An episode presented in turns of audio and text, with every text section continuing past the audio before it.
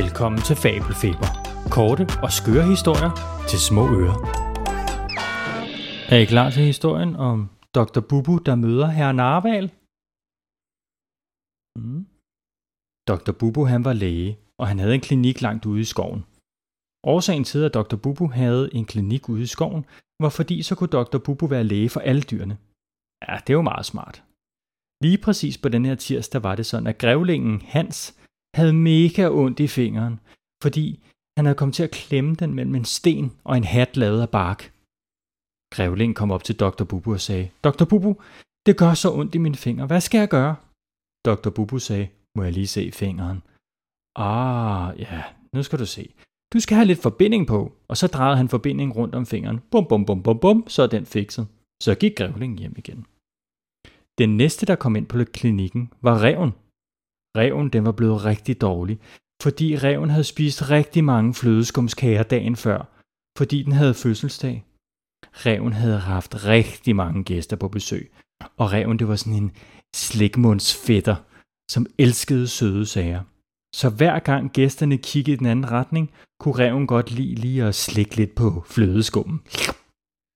Og da alle gæsterne var gået, kiggede reven sig omkring for at sikre, at alle nu var væk. Og så skyndte den sig at spise alle flødeskumskærne, der var tilbage. Og så fik den bare mega ondt i maven. Så kom op til Dr. Bubu.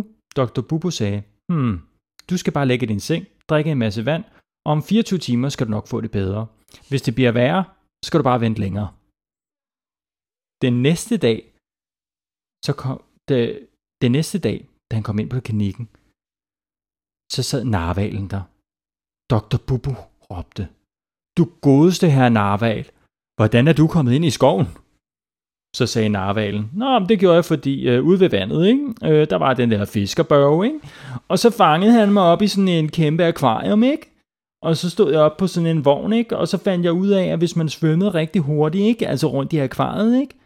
Så kunne man faktisk styre selve vognen. Mega, mega, mega, mega, mega smart. Og mega sjovt. og så fandt jeg ud af, at min hud blev sådan lidt sart, fordi vandet var sådan lidt for salt til mig. Og Dr. Bubu sagde så, okay, så forstår jeg bedre, du er kommet herind. Dr. Bubu sad og kiggede lidt på akvariet. Hvordan i alverden skulle han hjælpe narvalen? Så Dr. Bubu gik over og hæv ud i den grønne skuffe med prikker på. Hernede havde Dr. Bubu snorkel og svømmefødder og dykkermaske og dykkerur og badevinger og badering og badebukser og våddragt og tørdragt og en ophuslig tryktank og så også en lille bitte pose med peanuts. Der var en, det var en relativt stor skuffe. Dr. Bubu tog dykkerbrillerne på og hoppede ned i vandet til narvalen og kiggede på huden. Så kildede han narvalen lige ved hornet. Kille, kille, kille, kille, kille, kille, kille, kille. Og narvalen sprallede løs. Og så sagde Dr. Bubu, Nå, hvis det er bare det, du skal bare bruge en salve. Salven er lavet af brændte mandler, agurk og hår fra en gnu. Selve håret for gnuen er blevet fjernet med en pincet af træ, for der er ikke noget metal, der må røre ved håret. Øh, okay. Nå, men, men det du skal gøre med salven, det er at smøre den ud i tykt, tykt, tykt, tykt, tykt, tykt, tykt, tykt lag. Og når du så skal i saltvand, så skal du spille Marie Høen evig glad på ukulele. Det virker. Narvalen nikkede og sagde, okay, det lyder fint, det, det, det gør vi.